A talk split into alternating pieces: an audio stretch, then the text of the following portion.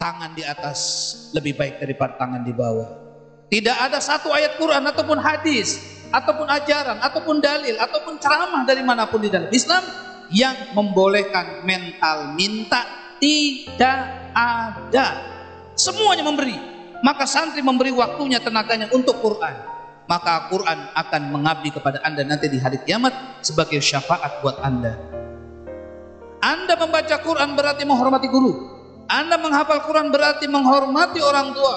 Anda membaca Al-Quran dan sungguh-sungguh berarti menghargai diri Anda. Dan itulah kalimat syukur yang sebenar-benarnya. Bekerja keras lagi, berbuat keras lagi, dan terus dan terus. Maka ulang tahun ini sebenarnya adalah pengingatan bagi kita. Bukan untuk santai-santai.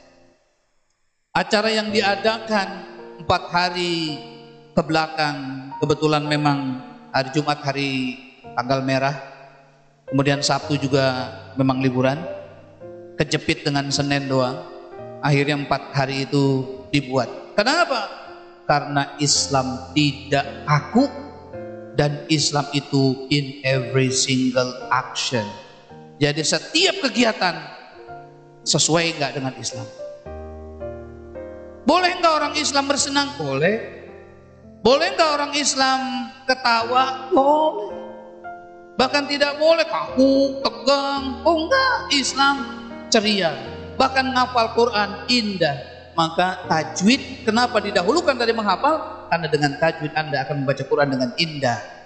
Dua kata Rasulullah, suara yang merdu lagi keras yang disukai oleh Allah Subhanahu wa taala azan dan membaca Al-Qur'an.